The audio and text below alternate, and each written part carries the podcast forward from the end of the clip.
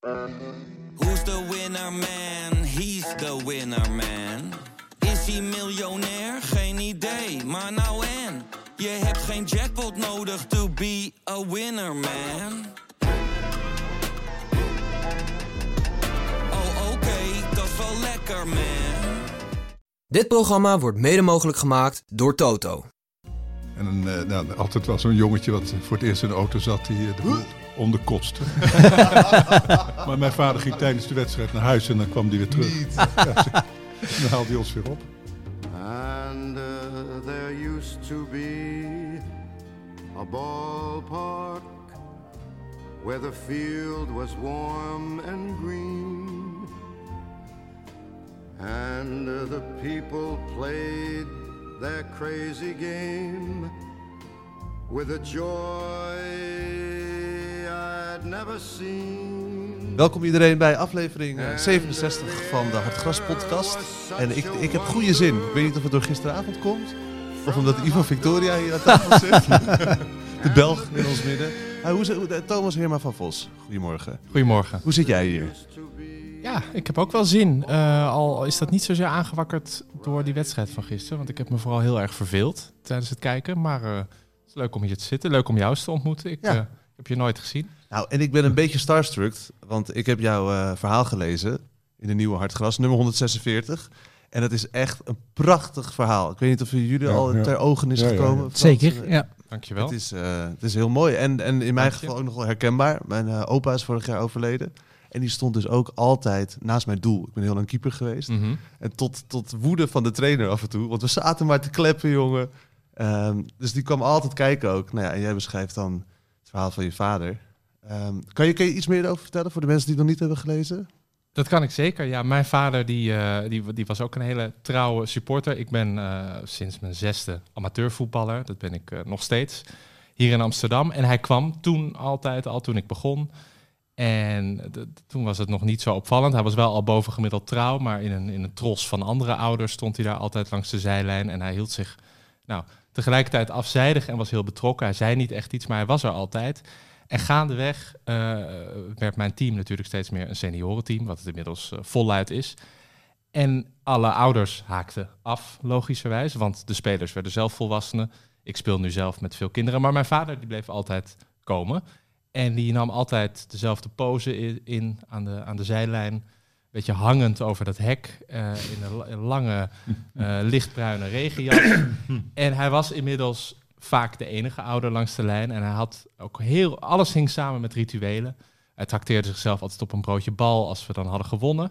Dan was hij ook echt heel tevreden. Hij hield de ranglijst heel strikt bij. Maar wat Calvinistisch weer alleen bij het winnen. Want mijn, mijn opa trakteert zichzelf altijd in de rust op een broodje kroket. Ongeacht de stand. Dus ook al in de rust, halverwege. Ja, nee, dan, eh, dan, vers- dan, dan verschillen onze eh, ja, de families hier. Nee, hij was daar, daar heel strikt in en hij vond het ook echt heel belangrijk. En hij was, ja, er waren heel veel rituelen die ik in dat stuk heb geprobeerd eh, terug te halen of te beschrijven, op te roepen, hoe je het ook noemt.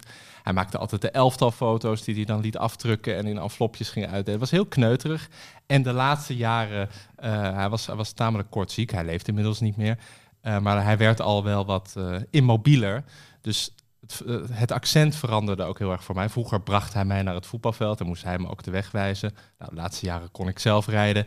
En weet ik ook nog dat ik altijd een beetje opgelucht was als ik dan tijdens de warming-up, hij kwam ook naar uitwedstrijden, stond ik dan vaak met, met vrienden een beetje, een beetje warm te schieten. Het had weinig om het lijf. Dan zag ik zo uit die verte steeds ieder jaar iets trager, zag ik zijn gestalte naderen in die lange regenjas. En dan was ik altijd heel opgelucht. Dacht ik, ah, hij heeft het weer gehaald. hij is er nog. Hij is niet gestruikeld. En eh, ja, ik bood ook wel eens aan, eh, wil, wil, je niet, wil je geen eh, opklapstoeltje mee? Vond hij allemaal beledigend. Dus dan ging hij, ja, nam hij zijn positie weer in. En ja, tot het echt niet meer kon. En een van de dingen, redenen om het stuk te schrijven was natuurlijk dat ik dat heel erg mis. Ik voetbal nog steeds, maar langs de zijlijn is het wie er ook komen nu erg leeg voor mij. Eh, maar ook dat het einde van zijn, eh, van zijn toeschouwerschap op het amateurveld viel erg samen met corona. Dus ik weet ook helemaal niet meer wat zijn laatste wedstrijden waren. Het, was, eh, doofde geleidelijk uit. Hij moest toen, volgens mij is zijn laatste wedstrijd tamelijk terug. Hij moest toen een keer achter een hek staan. Want toen waren er allemaal coronaregels. Dat, er waren van die weken eind 2020 volgens mij dat je wel nog mocht spelen, maar Ja. er was geen publiek toegestaan. En toen dacht hij, ik ga achter het hek staan, maar dan kreeg je pijn aan zijn knieën. Dus de laatste herinnering eh, aan mijn vader langs het voetbalveld is bij, eh, bij Swift, hier in de buurt in Amsterdam-Zuid, dat hij daar achter een hek stond. En daar volgens, volgens mij 2-1 heel slecht voetballend verloren. En eh, dat hij achteraf eh, bromde van, nou, nou, zij waren slecht, maar jullie waren nog wel echt iets slechter. En dat was ook zo'n vaste zin die hij altijd uitsprak. Nou ja, voor mij heel dierbaar en eh, dat eh, heb ik opgeschreven. Dank voor je compliment. Ja, en heel mooi ook op de koffer eh, de man die langzaam verdween. Ja, dat is allemaal Henk of Hugo's werk. In ieder geval eh, niet van mij. Nee, maar ik ben er wel blij Een mee. witte schim eigenlijk langs Ja. het voetbalveld staan. Ja. Herkennen jullie dit, Frans en Ivo? Of, of zelf dus nou ja, bij jouw kinderen of bij jouw kinderen of Ja. vroeger? Ja, mijn vader keek nooit. Het is wel een van mijn kleine traumaatjes. Ja. eh, die, die had een hekel aan voetbal. Die, vond, en die, me- die, die mensen langs de lijn vond hij ook verschrikkelijk. En, en als die, wij waren een van de eerste met een auto. Dus hij had altijd wat nu rijdienst heet. Maar, Ja, ja. En een, eh, nou, altijd wel zo'n jongetje wat voor het eerst in de auto zat. Die eh, de boel onderkotste. maar mijn vader ging tijdens de wedstrijd naar huis. En dan kwam hij weer terug. Ja, ze- dan haalde hij ons weer op. Ja, mijn vader is eh één keer komen kijken op mijn aandringen. En, eh, en toen kwamen we samen thuis en toen zei hij heel opgewekt tegen mijn moeder, hij deed zijn best. en dat was het eigenlijk, punt. Ehm, ja, en ik herinner me één keer de, de omgekeerde situatie. Dat is een van mijn jeugdtrauma's eigenlijk. Eh, toen eh, moest mijn vader zelf voetballen met eh, de bank waar hij werkte, de kredietbank. Dat was zo de jaarlijkse personeelswedstrijd. En ik was heel opgewonden. Ik dacht van, ja, mijn vader gaat voetballen. Ik, ik had daar hoge verwachtingen van, die op niets gebaseerd waren, want die, mijn vader sportte nooit. En toen, ik weet heel goed dat we over de parking liepen. Ik zag hem verdwijnen met zijn sporttas in de kleedkamer. Ik ging naar het veld. Na tien minuten, kwartiertje kwamen de spelers op. En ik stond te wachten op mijn vader en die kwam maar niet. En de spelers die stonden te wachten om te beginnen. En mijn vader kwam maar niet, kwam maar niet. En toen riep iemand hem en toen kwam hij het veld opgeschokt in een veel te klein eh, trainingspak. En wat bleek, hij was de scheidsrechter. Ja, dat was een- voor mij een enorme vernedering. Jij dacht, ik ga mijn vader eindelijk ik zien. ga hem zien schitteren, Ja. maar hij mocht niet meedoen, hij moest fluiten. Maar was er ook niemand anders? Want in mijn geval kwam mijn vader ook niet kijken, maar dus mijn opa. Was er ook niet dat, dat hebben jullie kinderen, jouw kinderen wel eens bij jou gekeken? Of was je al Ja, ik ben zo'n vader als, eh, als eh, Thomas zijn vader. Die, eh, Altijd? alt- altijd weer en wind. In, eh, in de regen ook, weet je wel. Dan gaan de, Ja. de lafaardsvluchten dan, eh, dat heet bij hockeyclubhuis in. En dan sta ik daar nog eh, En roep je dan ook dingen? Of nooit. Nee, nee. De, de- Totale stilte. ja, nee, ik vind dat eh, onbe, onbehoorlijk eigenlijk. Om als een volwassen man van die jongetjes te gaan eh, uitkafferen. Dat, dat zie je heel veel natuurlijk, ook bij hockey. En altijd vaders. Moeders doen dat nooit. Moeders eh, zijn altijd bezig van heb je, heb je goede sokken wel bij je en eh, enzovoort. Heel zorgzaam. En vaders staan altijd hun eh, frustraties eruit te schillen. En heb je achteraf zinnetjes, zoals de vader van Thomas? Dus dat je achteraf zegt, nou, zo gespeeld, een beetje vaste ja, dat wel. Bij- Als een soort, ja, net zoals hier, als analist. Hè.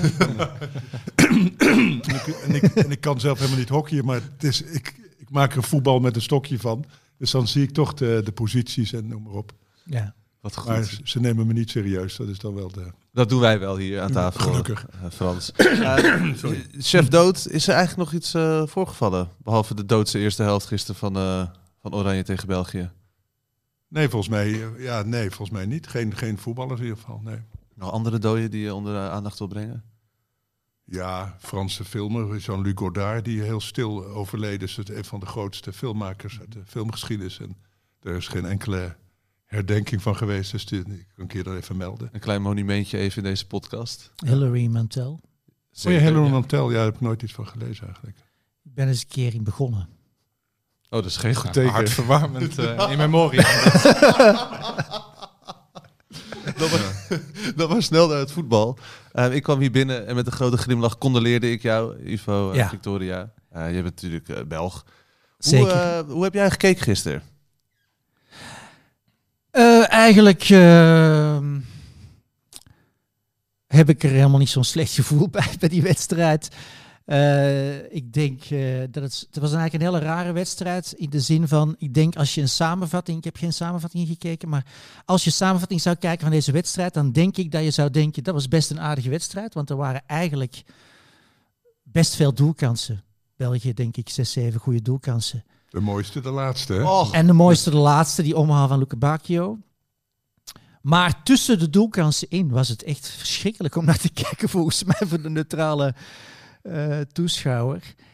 Eh, en ja, en dat België dan verliest, ik denk niet dat ze daarvan wakker liggen. Ik denk eerder dat eh, de Belgische pers is trouwens heel kritisch vandaag. Hè. Ze worden echt afgemaakt in de Belgische pers. waarop worden ze afgemaakt?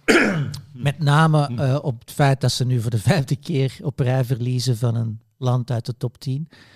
Ehm, maar ik denk dat, dat de technische staf en de spelers zelf niet zo ontevreden zullen zijn, omdat ze eigenlijk eh, in principe eh, een beetje gevleid verloren, eh, of onverdiend verloren hebben, naar mijn idee. Grote delen van de wedstrijd beheersen tegen de beste verdediging ter wereld. Ja. In principe toch best wat kansen hebben gecreëerd. Verdedigend vond ik ze goed. Het was voetballend allemaal niet zo bijzonder, maar eh, zo slecht was het ook niet. Dus Alleen denk, eh, Hazard was alweer echt slecht, toch? Dat begint dan een beetje treurig te worden. Die Dat begint kans nu echt- Na, na drie, vier minuten, dat was ongelooflijk. Die kans na drie, vier minuten, dat hij, de manier waarop hij trapt, Hij, hij eh, va- valt al naar achter terwijl die schiet. ja, Het zag er ongelooflijk. echt, echt bizar uit. En als je die Hazard je voor de geest had van 2018 was het toch, toen hij zo magnifiek Ja. speelde. Ja, dat, dat, is, dat lijken En, echt en, en dat is echt de enige reden waarom hij speelt, is om matchritme op te doen, omdat hij niet speelt bij Real, vanuit een soort van ijdele hoop dat hij dan eh, misschien eh, weer terug in de buurt van dat niveau komt. Ik vond trouwens ongelooflijk dat Van Gaal Timber in een mandekking zette op Hazard. Waarom? Ik bedoel, geef hem gewoon de bal, er gebeurt toch niks. Maar Timber moest dus Hazard, Ja. die volgde Hazard tot Ja, aan de eigen, tot overal. aan de 16 van de Belgen. Hè. Waarom? Ik snap er daar niks van. toch? Ja, de Roon op, eh, op de Bruine. Ja, Dat snap ik dan nog wel. Ook omdat de Roon niet een fantastische voetballer is. Gewoon heel degelijk, heel goed. Ja. Maar daar perfect voor zo'n rol. Maar Timber is veel meer een, een maker ook, toch? Hij creëert. En als je dan achter ja, Hazard achter... En is hij ook denk- nog aanvoerder? Hoezo is hij aanvoerder? Ja, goed, dat, dat, stemt, dat stamt uit de, uit de goede tijd van Hazard. Dus je, je zal ook niet zo snel een aanvoerder de band afnemen, denk ik. Ehm, maar ik denk dat het ook intern, hè, eh, als je ziet, Trossard die inviel voor Hazard, Veel beter. die veel beter Ja. is dan Hazard op dit moment. Eh, als je ziet hoe hij bij, dat, bij die kans van Luke Bacchio, hoe hij langs Dumfries gaat en dan die voorzet geeft. Hij is veel explosiever, sneller, in alle opzichten beter dan Hazard, maar die mag nooit spelen Omdat, omdat Hazard wedstrijdritme moet Maar opdoen. dat is toch ja. de kritiek op Martinez ook, dat hij eigenlijk alleen maar op namen selecteert en niet op Te eh, kwaliteiten. Dat heeft misschien ook wel te maken ehm, met het feit dat België in een soort van, volgens mij, een soort van ontkenningsfase zit, psychologisch gezien. Dat, dat de gouden generatie voorbij is. Ja, en dat, en dat je dan misschien ook anders moet willen gaan voetballen. Hè? Ik denk dat België nog altijd een heel goede ploeg kan zijn. Maar je zag nu bijvoorbeeld dat de Bruyne bijvoorbeeld, die heeft ook nog niet echt geaccepteerd dat ze niet meer bijvoorbeeld hoog druk kunnen zetten Nee. met die trage verdediging. Dus af en toe zag je hem jagen en dan kwam er niemand. En dan zag je hem zo staan van, hé, hey, waar is de rest? Maar dat vond ik ook wel mooi in de tweede helft te zien. Bij Taylor. Die kwam weer als een jonge hond Ja. erin. Die speelde, vond ik weer goed. Maar misschien is het ook wel een beetje mijn Ajax-bril. Eh, net als met Onana aan de andere kant. Ik was Ja, die was heel erg goed. Die was Onana. vond ik ook heel leuk. Ik, ik Ja. luisterde de eerste helft via de, de radio, de tweede helft heb ik gezien. En toen dacht ik Onana, dat, hij vers- verspreekt, Jeroen Gruter verspreekt zich. Ik- dat, dat klopt niet. Kon ik niet helemaal rijmen, maar uiteindelijk ja, fantastische voetballer. Maar die Taylor, die kwam ook erin. En die zat maar druk te zetten. En af en toe zag je hem zo omkijken. Oh shit, ik sta nu spits. De rest is ook gewoon nog een beetje op die middenlijn blijven hangen. En dat zag je soms ook inderdaad bij, bij België. Dat het leken de afspraken niet helemaal Ja. juist of zo. Alsof ze een beetje op twee gedachten hinken, terwijl ze het eigenlijk verdedigend. Witzel vond ik heel goed en Alderwereld vond ik ook heel goed eigenlijk. De Nederlandse aanvallers hebben eigenlijk niet op doel geschoten, hè, buiten de counters eh, op Ja. het eind. Dus dat kunnen ze wel als ze het compact houden.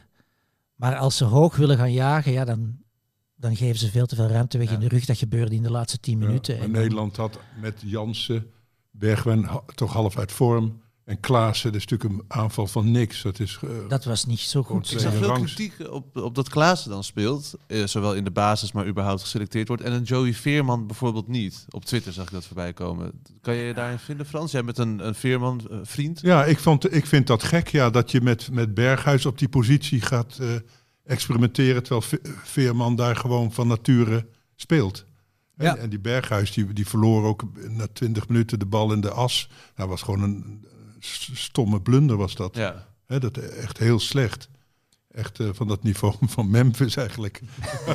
Maar die verliest hem in de, ja, in die de in voorhoede. ieder geval tenminste voorbij de middenlijn nog. Ja. Maar de- ook in de as vaak hoor. Dat is even, ik vind het ook overschatte spelen eerlijk gezegd, maar goed. Memphis?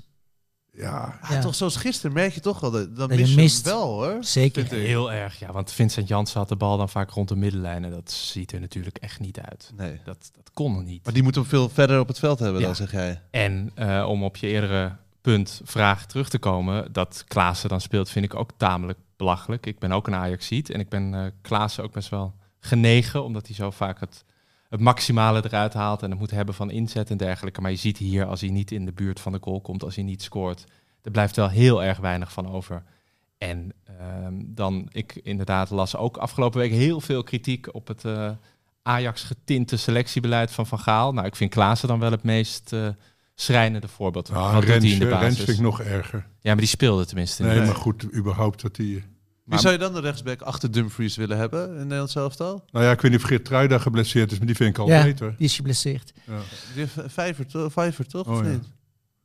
Ah, Nou, dat dacht ik. Maar dat, dat- dan heb je dus Geertruida eventueel, als je niet geblesseerd En zou de back van eh, Leverkusen, toch? Die, Frimpong. Frimpong, Ja. hè? Je Frimpong. Die is goed met FIFA Ja, ook, ja. joh. Die koop ik met FIFA. maar die zie ik af en toe prachtige in samenvatting hoor. Die zie ik nooit live, maar Nee. hele goede acties maken. Die me eh, meer hoop geven dan de acties van Rens. Maar in principe is die verdediging, wat jij al net zei, Ivo, eh, de beste van, van de wereld op dit moment. nou ja, als je ziet eh, dat, dat de licht en de vrij op de bank zitten. Dat Nou, is en een dat Malasia ongekende er luxe. dus in komt voor Ake. Ja. In plaats van de licht op de vrij. Ook al zijn ze geen linkspoten. Ja, maar ik vind Malasia kan dat niet. nee, maar waarom ging Blind bal dan niet naast, naast Van Dijk spelen en dan Malasia gewoon links? Ah, ja, met zijn snelheid natuurlijk. Je wilt toch ook wel dat hij eens een keer een, een mannetje bijhoudt. Want die werd er weer helemaal uitgelopen. Kijk, Blind als hij de bal heeft, is die, hoort hij bij de beste vier spelers van Nederland. Maar Ja. zonder bal eh, wil je hem liefst eh, niet opstellen. Maar dat kan helaas niet. Dat, eh, dat je hem snel eruit haalt, weet je wel. Als de aanval is afgeslagen. Net zoals bij ijshockey. ja. Ja. Toch? Ja, dat er gewoon erin. Oké, en laten we dan even verder kijken naar. Want we kiezen ook een koning van de week. En we waren het er al een soort van voor de opname over uit dat dat pasveer moet zijn. Ik heb dat gemist, dat overleg. Oh, echt? waar? Nee, ik werd zag jouw geroepen, poll. We hadden ja. dat net, toen Ja, jij er nog niet ja, was, ja. eh, hadden we het over jouw poll op Twitter. Ik dacht, ik Eh, ga een hele opportunistische poll doen. Ja, want ik wist ja. natuurlijk dat mensen voor pasveer gingen kiezen in plaats van Courtois. Want hij had net een fantastische... Nee, nee één minuut later... Wacht, ik moet even uitleggen. Weer heel enthousiast. Ik zat lekker dus op de bank de, de tweede helft te kijken. En ik ben enorm pasveer-fan. En dat roep ik al, dat roep ik al jaren. Nou ja, dat vind ik leuk dat hij dan nu in het Nederlands elftal speelt. Dus ik dacht, ik doe een polletje. Wie is een betere keeper? Courtois of Pasveer? Ja, Courtois is dat in principe. Als je zeker als je naar zijn palmares kijkt. Maar ik had dat, dacht, gooi het erop. En echt één minuut nadat ik het erop had gegooid, maakte hij die fantastische redding. Dat Ja. hij weer zo helemaal uit het hoekje tikt. En toen gingen zo al die stemmers. Rits. dus uiteindelijk, ik zal hem er eventjes bij pakken. Want eh, je kan hem dan op, eh, op 9 uur heb ik hem gezet, de poll. Want vaak vergeet je dat als je een polletje maakt op Twitter, dat hij dan pas een dag later de uitslag is. Dus dan heb je er niks aan. 56% zegt dat Pasveer een betere keeper is. eh, en 44% Ja. voor Van de hoeveel stemmen? Eh, 252. Dus een redelijke Ja. steekproef. Nou ja, waarvan de meerderheid natuurlijk Nederlanders zijn. Dat is waar. Ik heb denk ik Dus, heel weinig ja. Belgische volgers. Nee, ja. Maar heel pakte goed. die bal van, van Onana, was dat? Ja. Op, die, op die paas van de Bruyne, Bruyne. Ja, ja. Dat was een geweldige redding. En, eh maar Courtois, wat hij in die laatste Och, tien minuten Hij is pakte, Zo goed. dat was echt ongelooflijk. Ja. En ook zo onbewogen, hè? Dus helemaal niet, yes, ik heb de bal. Maar gewoon, ja, dat is mijn werk. De manier, eh, we hadden het er net ook al even over, hè, de manier waarop hij eigenlijk Bergwijn afblufte door te blijven staan, oog in oog met hem in de plaats. Heel veel keepers zouden al... Doet Pasveer ook. De afgelopen Ja. competitiewedstrijd bleef hij ook heel lang Ja. staan. En dan had hij hem zo in het hoekje tegen AZ gewoon met zijn borst pakte die hem Ja. of zo. Dus dat hebben zij allebei Ja, wel. En daar wordt een aanvaller onzeker van. En Bergwijn, wat je net ook zei, die zit er niet lekker in. Hè? Nee. Wat is er aan de hand met hem? Want hij begon fantastisch eh, aan het seizoen. Maar nu, de la- ook bij Ajax, de laatste wedstrijden, vond ik hem... Ik denk dat het een mens is. Zou het? Denk jullie ook Ja. niet? Ik vond het uit bij Liverpool wel pijnlijk. Ja, omdat dat je wel die eerste weken bij Ajax hoorde je toch wel een beetje gonzen van waarom heeft Tottenham hem eigenlijk geen kans gegeven? Hij is goed voor de zo- eredivisie. Ja, waarom is hij zo makkelijk daar weggeglipt? En dan zie je hem nou, in de, een wedstrijd die er echt toe doet, uit bij Liverpool. Er kwam helemaal niets meer uit. En hij werd echt afgebluft. Is het dan kanten. druk?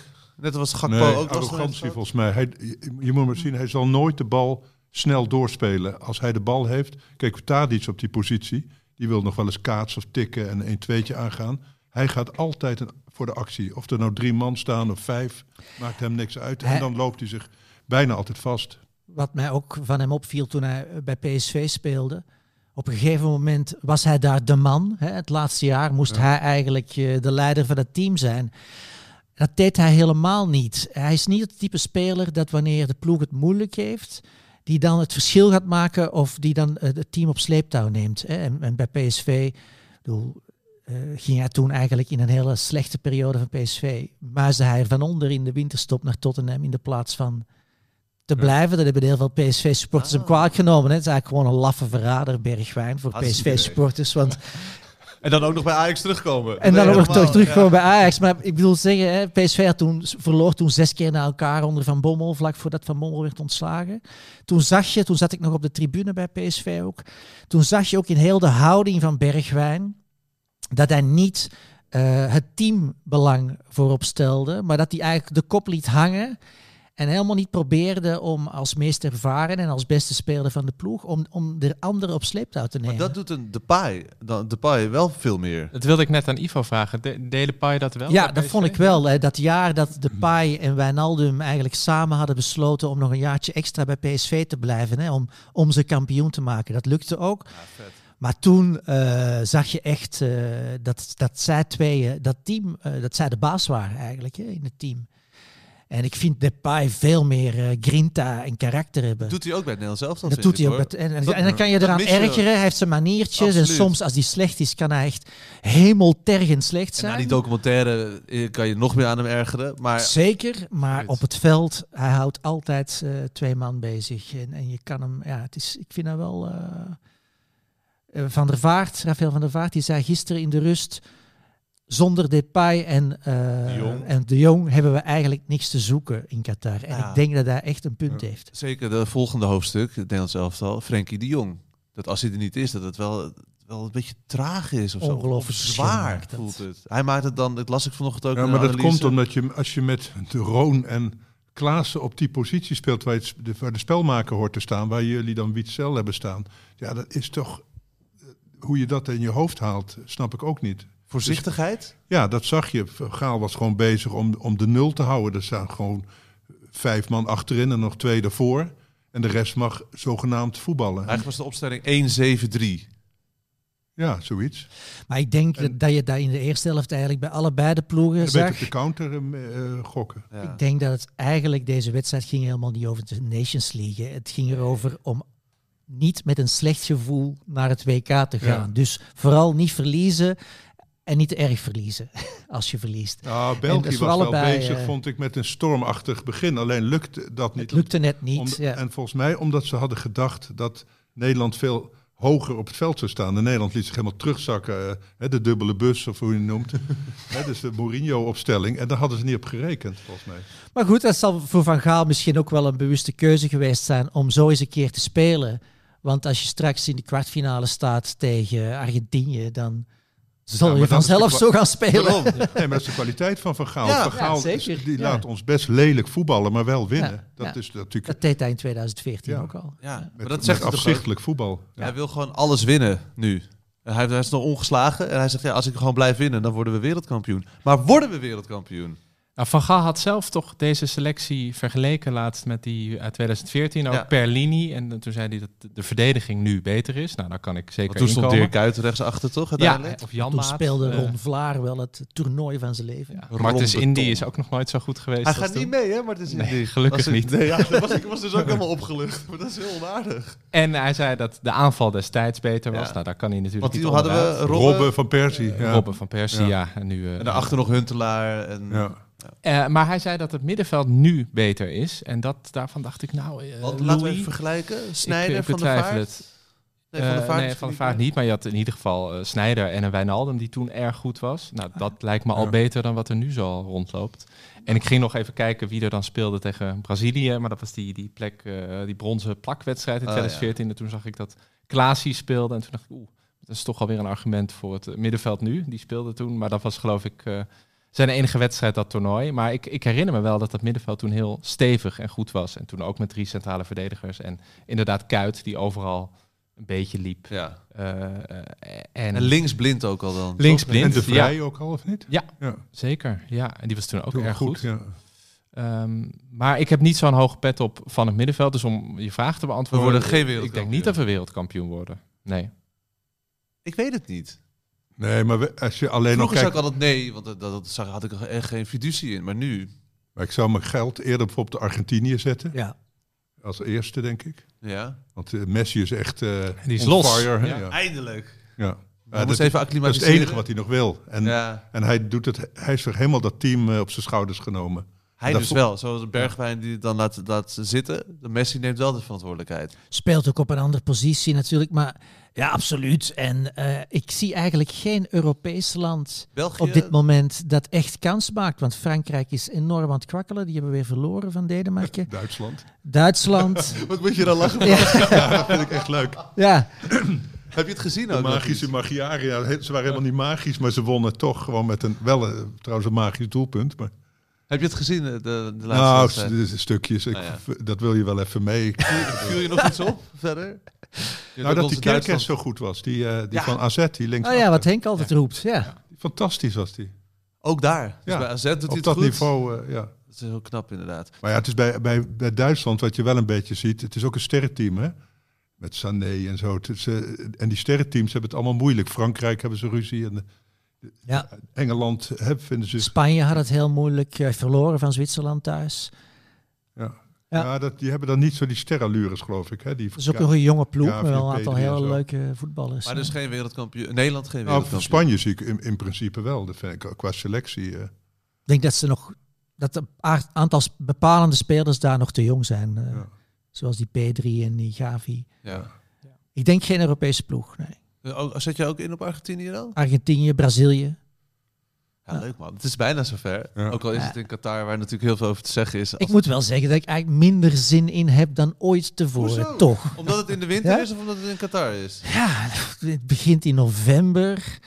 Eh, ik weet het niet. De- de- de- Ja, dat Qatar blijft mij toch parten spelen. Nee, ook, hè. We, kunnen, we moeten dat toch gewoon blijven zeggen. Dat is zo ongelooflijk belachelijk dat de WK daar Maar plaatsvindt. wat zou je dan kunnen doen nu nog? Wij als, wij als individuen. Dus wat, wat kan je nog... De beslissing is genomen. Er is een fout gemaakt. Tuurlijk, 15 maar jaar geleden. je moet dat blijven benoemen, denk ik. Heel het. WK lang. Eh, op alle vlakken, hè, corruptie, eh, mensenrechten. Je, je kunt dat niet vaak genoeg blijven. Je kunt Qatar, hè, het, het uiteindelijke doel van Qatar is eh, het witwassen van een bepaalde imago en regime. En je mag dat niet toestaan. Nee. En wij niet, maar ook de spelers niet. Die zouden daar ook Dus wel explicieter in mogen zijn. Elke ja. wedstrijd een statement. Elke wedstrijd een statement. En wa- waar Ja. zit je dan aan te denken? Een minuut stilte voor, eh, voor, de, voor de overleden Ah, arbeiders. Nee, ik weet het niet, maar eh, je, je ziet hè, dat, dat, dat er dan de neiging ontstaat stilaan om eh, wanneer het toernooi dichterbij komt, om dan te zeggen van hey, we hebben er toch weer lekker zin in. Ja, ik voel bij mezelf toch dat dat, dat niet zo is zoals andere jaren. Dat ik toch dat dat mij dwars blijft zitten. Dat ik denk van ja, Hoe zit dat bij jullie? Hebben jullie dat ook? Ja, ik heb altijd met die WK's sowieso dat ik hem het pas realiseer dat het er is als het er is. Ik vind het een soort droom of zo die eh, ineens aan je verschijnt. Ik heb daar nooit een soort realiteitsgevoel bij. En ik moet er ook altijd vaak aan wennen, want dan heb je die pools en dan... eh, ik, ik vergeet het dan nog in mijn agenda te, te zetten wanneer de, de wedstrijden zijn. Dus dat, ik moet even een... een Het eh, overvalt je eigenlijk elke twee of vier jaar. Ja, terwijl ik bij de Champions League bijvoorbeeld, dan weet ik wel van Ajax, dan weet ik het wel precies. ja. En ik moet zeggen, ik ben ook wat dat betreft de laatste jaren meer een clubsupporter dan een, eh, een, een landensupporter geworden. En dat heeft ook wel met dat, die oranje hysterie te maken. Je wilt daar toch eigenlijk niet eh, bij horen en niet eh, mee gezien worden. Ik zou nooit op zo'n tribune gaan Ik heb zitten. er echt heel veel zin in. Ja, sorry, ik kan je Oh, niet echt bijstaan.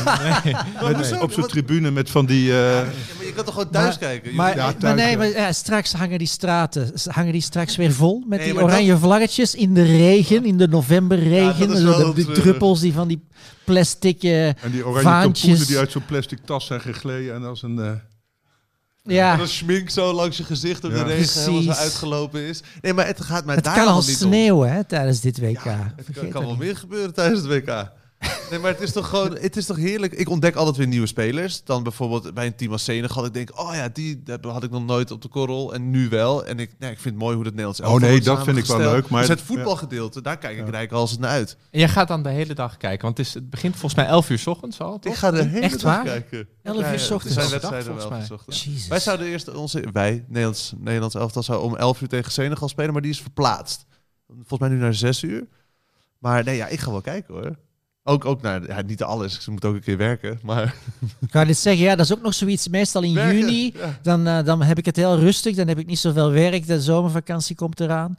Nu is het november. Ik ben bezig met een boek. Ik ben gewoon hard aan het werken. En elke daarom dag. denk ik dus dat het echt als een, Ja, als een soort van die- tractatie gaat voelen. Dat je gewoon denkt eh, op een onbewaakt moment, je bent inderdaad aan je boek aan het schrijven, even koffiepauze en dan kijk je op Twitter of Even wat dan vijf ook. minuten. Even vijf minuten. Maar ja. En dan zie je opeens dat het... typische Qatarese voetbalsfeer. Even met die half lege stadions. En, eh, I don't know, ja. En dan zet je de radio aan, dan, dan, dan hoef je er niet naar te kijken. Ja, ik heb wel veel zin in. Nee, wat ik ook triest vind, zowel voor België als voor Nederland. Hè, wij maken allebei een zekere outsider kans om eh, wereldkampioen te worden. We Word je net wereldkampioen. wereldkampioen daar. Dat is Ja, heel triest. Daar zat ik ook aan te denken. Dan, Dat is net zoals eh, de Olympische Spelen van 1936 winnen. Uiteindelijk is de herinnering aan een groot toernooi is toch ook de, de manier waarop je het zelf beleefd hebt. Ik herinner mij dat eh, de zomer van 2010, toen jullie de finale speelden, toen zag ik de finale op het dak buiten van, bij Noord, tijdens het Noordzee Jazz Festival. Dat was fantastisch. Het was fantastisch weer. Eh, iedereen een beetje dronken. Er was goede muziek overal om je heen. De wedstrijd halverwege dat festival. Eh, schitterende nederlaag ook voor, voor, voor, Bel eh, voor Nederland. Eh, voor, voor mijn gevoel. Dat was ja, bijzonder om daartussen te staan, zou ik maar zeggen. Wat zeg je nou allemaal? Schitterende Nederland. Ja, ik vond dat een hele mooie... Hij was euforisch. ik was niet euforisch, maar dat is de herinnering dan. Dat was een prachtig toernooi Tuurlijk, de geweest. omgeving, de context is heel belangrijk. omgeving, Ja, et cetera. En dan nu, straks stel dat je in de finale staat. En het regent pijpenstelen buiten. En eh, de, de, ramen beslaan. Steeds maar weer die regen. En eh, ja. Ja, ik denk niet dat we nog een mooie nazomer krijgen in november. eh, ja. voorwinter is dat, geen nazomer. Voorwinter, ja. Ja, ja, ik, ja, ja, goed. ja. We zullen er het beste van proberen te maken. Kijk, weet je. Misschien kan het ook wel meevallen in een bruine kroeg. Lekker warm. eh, Ja, lekker elkaar, winterjas eh, tegen winterjas. Je Kop moet je, thee. je opportunisme nooit eh, onderschatten in eh, het voetbal, toch? Zeker. Ik spreek jullie nog wel in november, man. Precies. Nee, maar dat hoort toch bij voetbal, het opportunisme. Dat is eh, het wezen, denk ik. Ben ik dol op. We zijn het gewoon een beetje aan Zijn we het trouwens over, eens over de koning van de week? Moeten we nog eventjes afronden, want we hebben gewoon pas weer geroepen. Maar wil iemand nog een ander voorstel doen?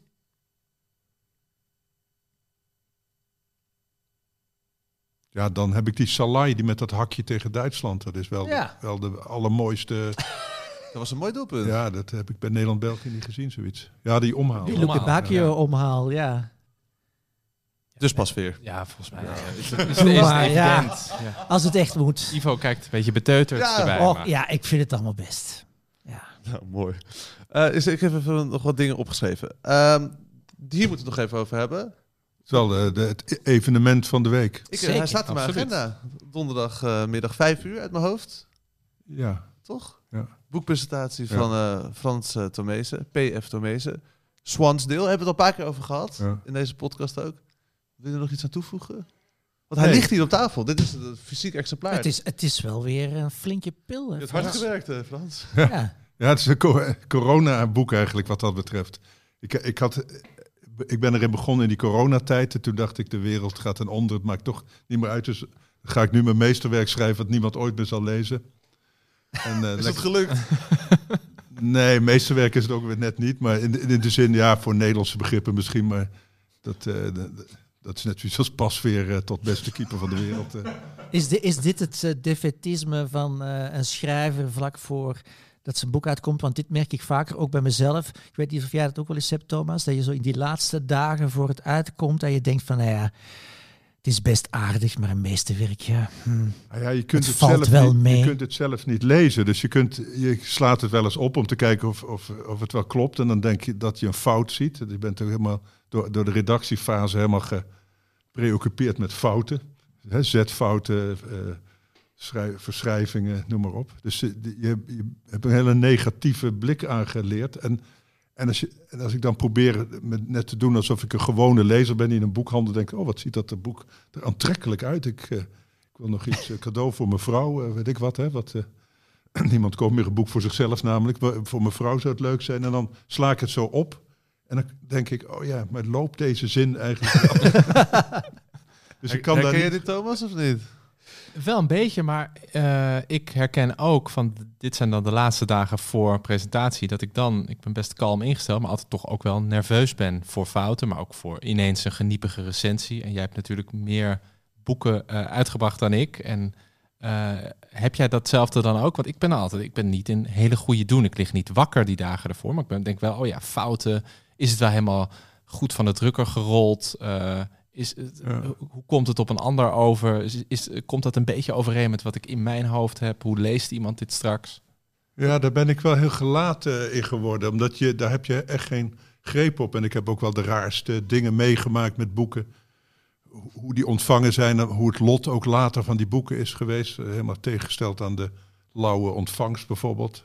Hè, Bijvoorbeeld Schaduwkind, daar denkt iedereen dat is mijn grote eh, succes. Maar dat is werkelijk eh, minimaal besproken eigenlijk. En nergens genomineerd, geen enkele vermelding gehad. Het heeft alleen enorme eh, weerklank bij lezers gevonden. En achteraf zitten dan die recensenten dat boek te, te prijzen. Maar, hè, maar dat hebben ze nooit gedaan toen het uitkwam. Dus dat, dat heb je ook. En aan de andere kant boeken die heel goed besproken zijn... en waar op om eh, raadselachtige wijze de, de, in, de, in de boekwinkel weinig aandacht voor is. Dat, hè, dan, eh, dus, dat, dus die dingen, ja, als je daar nu dru- druk op maakt, dan zou ik gewoon een ander vak kiezen. Want dat hoort heel erg bij, bij wat het is, zou ik maar zeggen. Dus het, eh, ik snap wel, de, zeker als je jonger bent en onzekerder bent om helemaal anoniem door het leven te moeten gaan. Dat had ik wel in het begin. En ik had wel het geluk dat ik de ACO-prijs kreeg en meteen wel eh, een grote naamsbekendheid had. Maar je hebt in, in die beginjaren veel meer de angst van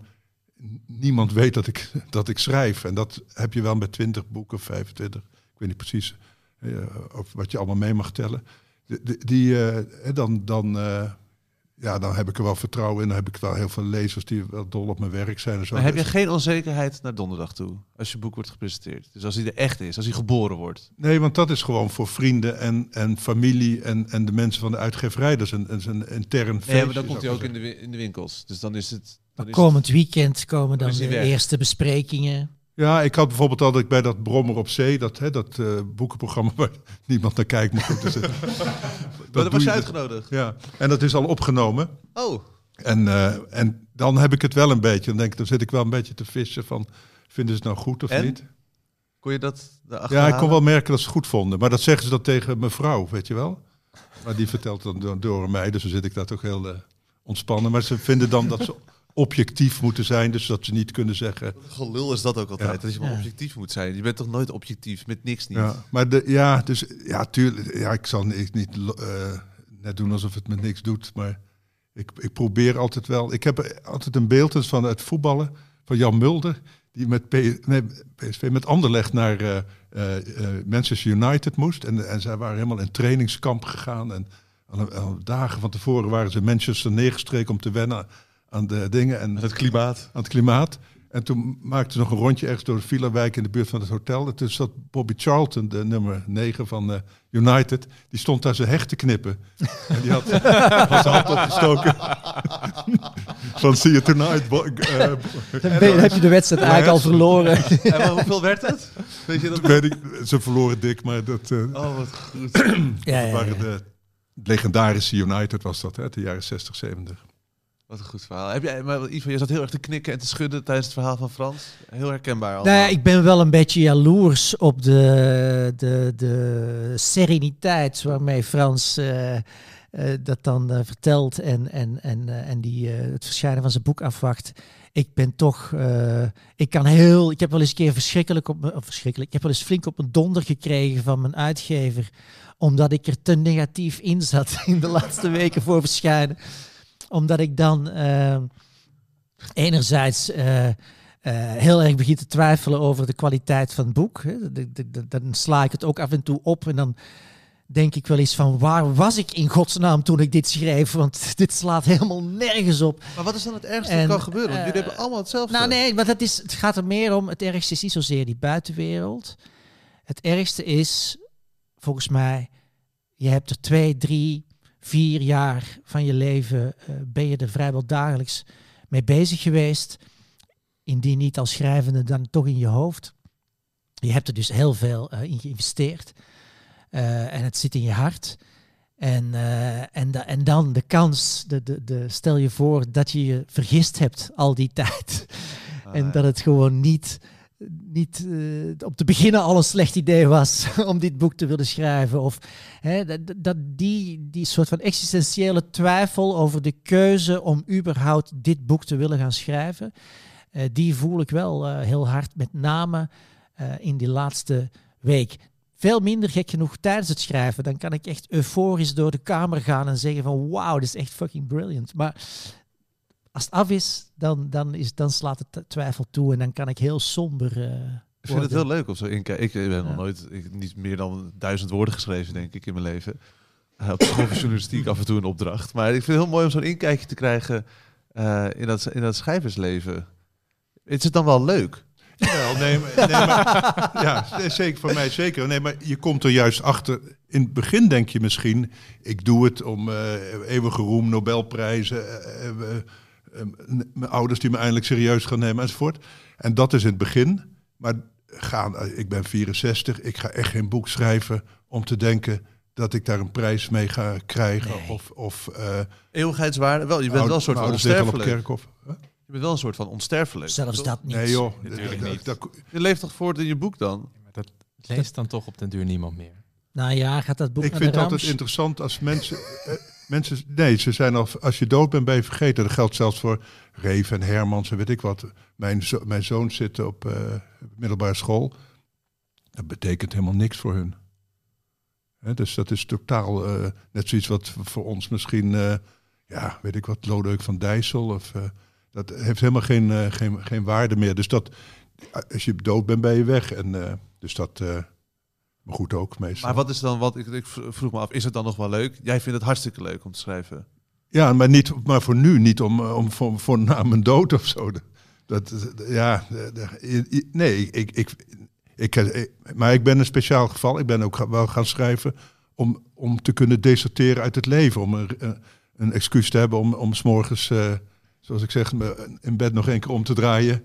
En eh, terwijl ik beneden het, eh, het, eh, het, het gewone volk eh, op brommertjes en dingen naar het zijn werk horen Ik gaan. ben ook heel blij dat wij om half elf beginnen met het opnemen van deze podcast. Dus het is een uitverkoren iets. Je Ja. verdient er geen zak mee, maar dat moet je er nooit bij vertellen. Maar het is Nee, absoluut. Dat is zeker ook een van de, van Dat de je een ander leven kan leiden een eigenlijk. aristocratisch bestaan. Eindeloos veel levens, ja. Ja. Ja, omdat je je ook weer kan verliezen in een In een nieuw verhaal. En, en nu bijvoorbeeld ben ik bezig met eh, het verzinnen van wat hopelijk een nieuw boek wordt. Of denk ik een nieuw boek wordt. Nou, dat is ja, de leukste fase eigenlijk. Alles kan. Ik, ben er, ik, ik, ik zit er al wel genoeg in om, om zin te hebben om er vanmiddag mee verder te gaan. Tegelijkertijd ligt er nog niets vast. Want ik herken ook heel erg dat moment dat Ivo net noemt. Dat als het dan van de drukker komt, dat het, dan is het ineens gestold en onomkeerbaar. En dan kan je denken, heb ik het wel goed gedaan? Rechtvaardigt dit wel al die tijd die erin zit? Heb ik niet iets over het hoofd gezien? Herhaal ik niet een eh, bepaald woord te vaak? Al dat soort dingen. Nu, ja, kan alles. Dat is, het is een zalig gevoel. Ja, als je, als je aanvechting voelt, eh, doen.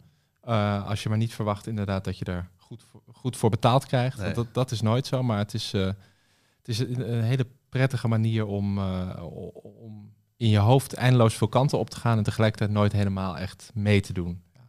Ja, heel ja, fijn. en het mooie is, wat jij zegt als het boek af is, maar dan heb je wel weer zin in een volgend boek. Ja. Dus het is ook, eh, het is natuurlijk in die zin een soort estafette. Dus je, en, en, en het doel is om in een, in een boek van jezelf te zijn.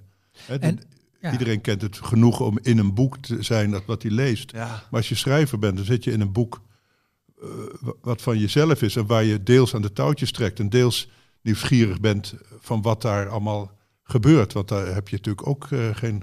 Dat, dat blijft sowieso een van de, van de grote genoegens, denk ik. En, en met, de jaren eh, eh, krijg je ook het, wel het vertrouwen en de rust om te weten dat er altijd iets komt. Dus er is nooit, bij mij eigenlijk nooit meer de twijfel, komt er wel iets? Het is eerder een nieuwsgierigheid waar jij het net over hebt. Ja. Hè? Van wat gaat er nu weer komen? Eh, je, je begint aan een scène of aan een verhaalidee en het pakt altijd anders uit dan je van tevoren dacht. Eh, dus wat dat betreft, eh daar, is echt, er is, ik heb eigenlijk nooit een dag geen zin om te schrijven. Ik denk dat jullie heel veel luisteraars warm hebben gemaakt voor het, voor het schrijversvak door deze prachtige woorden. En, en deze grote schrijvers schrijven dus ook allemaal voor hard gras. Ehm, niet per se dan in deze editie, behalve jij, Nou, Thomas. Thomas helemaal van Vos. Ja. Ja, ehm, maar ja, dat, ja, heerlijk. Eh, Komt er voetbal voor in, in Swansdale, in jouw nieuwe boek? Totaal niet. Komt er voetbal voor in jouw nieuwe boek wat aan zit te komen? Nee. Bij jou, Thomas? Bijzin wellicht, maar... Kijk. eh, Ik heb trouwens wel een voetbalboek in voorbereiding. Nou, Ja. kun je daar een tipje van de Ik, eh, eh, voetbaltenu van oplichten? dat ben ik ook tijdens corona beginnen schrijven. Eh, ik noem het een, een dystopische voetbalnovelle. Het speelt zich af in een wereld waarin het professionele voetbal eh, niet meer bestaat. Oh.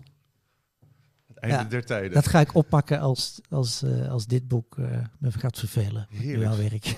Ehm, over voetbal gesproken, want daarvoor zitten we hier natuurlijk ook. Hè, los van dat het ook over literatuur gaat. Eh, we gaan voorspellen. Oh ja. Manchester City tegen Manchester United.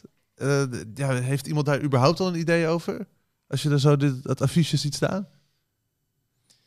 Ja, ik denk dan toch dat, eh, dat City dat eh, gewoon, zou ik willen zeggen, wint. Ondanks de bescheiden opmars van eh, United. Want ik denk dat City te krachtig is en te goed staat. En te veel kracht heeft, met name voorin.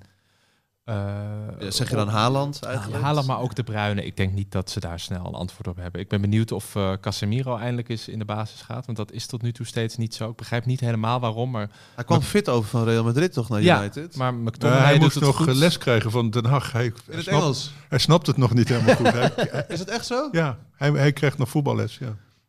Hij is Om- om te- 34 of zo, toch? Om aan dat ingenieuze Ten Hag systeem eh, te, te kunnen voldoen. Nou ja, wat Ten Hag wel tot nu toe goed heeft gedaan, is dat Eriksen wat verder naar achter staat. En die voetbalt echt wel heel aardig. Tegelijkertijd denk ik dat dat niet aardig genoeg is om eh, City mee te ontregelen. Dus laat ik het houden op een, eh, een, een soevereine 2-0 voor City dus. Mooi. Wat denk jij, Ivo? Ik denk dat het een hele spectaculaire wedstrijd eh, wordt. Eh, want eh, United heeft natuurlijk die eh, snelle jongens voorin. Eh, City zal willen hoog druk zetten. Komt wat ruimte in de rug van die verdediging. Nou, misschien wordt het wel een 3-2 of een 2-2. 2-2. 2-2 zeg jij. Schrijven we die op, Frans? Ja, ik denk ook een gelijkspel. Omdat eh, dat, dat, eh, de analyse eh, deel ik wel. United gaat zich ver terug laten vallen. En dan zijn er weinig eh, echte ruimtes voor die, eh, voor die City-jongens. en, en, en een lange bal op die, op die snelle Ja, Rashford. Rashford. En, Ja. eh, ja. Martial. Ja. Wie zet je op Haaland dan? Martinez niet, denk ik. Of heeft hij bewezen toen bij Ajax? Die heeft bij? Dortmund, eh, die twee kleintjes. eh, Ja, dat was heel knap toen. Maar Nee, Varane dan toch. dat denk ik ook wel. Die is net iets groter. Sterker, wat groter. Ik denk dat United voor een stunt gaat eh, zorgen. Ik denk dat ze 0-1 Weet je wie ik zo slecht vind bij eh, City? Die Grealish. Die vind ik bij Engeland ook zo rare stomme- speler is dat. stomme Ja, wel speler, ja. onvoorspelbaar. Toch? Dat is een beetje wat Kudus ook bijvoorbeeld heeft. Die, is ook, die leidt Ja, maar veel domme- domme. Maar er domme was speler, zoveel om te doen. En ook eh, 110 voor die- miljoen of ja. zo voor betaald. En ik heb hem echt nog nooit een wedstrijd zien spelen dat ik denk van zo. Zo'n domme, Wauw. zo'n domme speler. Nou, voor, vind voordat je hij van bij City Frans? was wel. Bij Dom. Aston Villa. Ja. Dat Ja. vind ik dom. Ja, maar in zo'n, in zo'n sophisticated elftal en dan zo'n Domme speler. domme speler. Ja, die bij, bij Aston Villa misschien eh, hè, lekker, lekker kon rennen en, en, en Maar wat vind ballen. je zo dom aan hem dan? Als hij de bal krijgt, dan gaat hij heel druk doen. En, en het is zoiets, wa- waarheen en waarom? Wat, wat sta je daar te doen? En, en vaak... Ja, is hij En vaak zie je dan de kwijt. verdediger die tegenover hem staat. Die staat dan naar te kijken Ja. van, jongen, wat, ben je toch allemaal aan het bewegen? En dan doet hij een passébeweging en dan ontfutselen ze hem heel simpel de bal. Ja. Maar Hoe, Ja. dat- hoe kan hij dan 110 miljoen euro, euro Ja. kosten? 110 miljoen euro kosten. Hoe kan dat dan? Dat zien zij toch ook? Je hebt toch allemaal statistieken? Je hebt toch allemaal... Zit er toch... Nou ja, omdat daar, dat zijn allemaal commerciële belangen. Omdat anders koopt een andere hem. Volgens mij heeft dat ook vaak. hè, Haast dan iedereen. Hij ziet er goed uit dan misschien met dat Ziet er goed uit. Het is een beetje een Beckham-type qua looks. Ja. En eh, het is een Engelsman, dus dat, dat is natuurlijk ook... Maar als je ja. Foden op die positie is veel beter. Zo.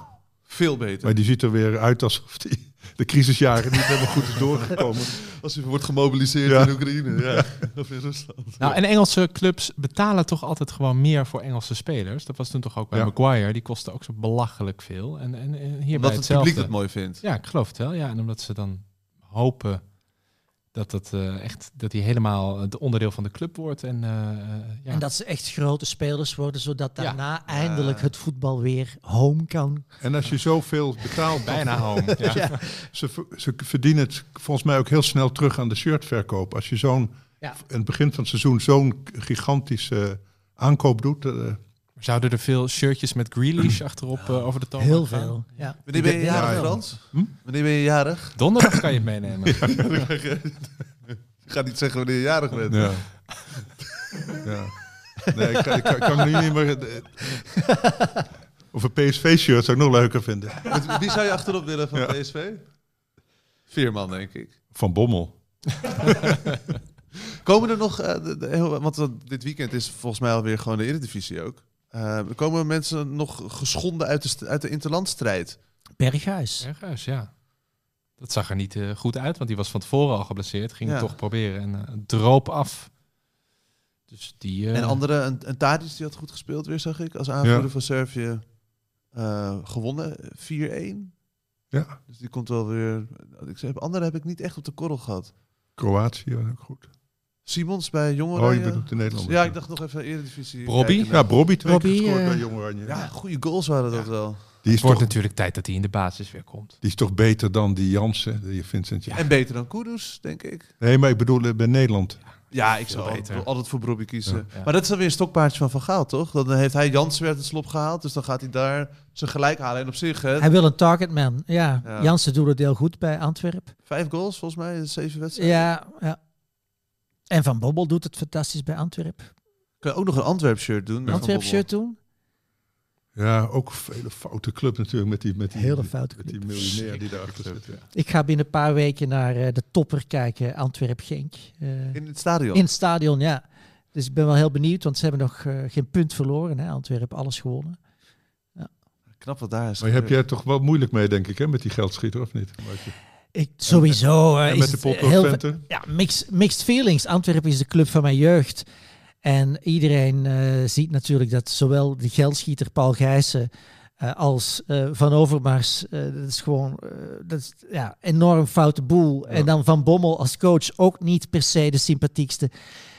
Maar Antwerp speelt goed voetbal. En, ja, en ik zou toch heel graag Antwerp kampioen willen zien worden voor de eerste keer sinds 1957 geloof ik.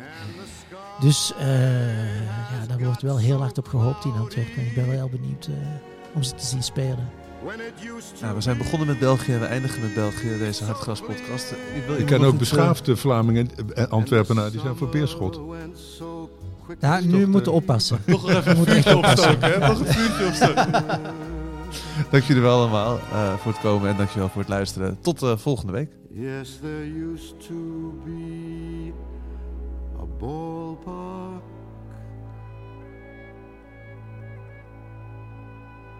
right here.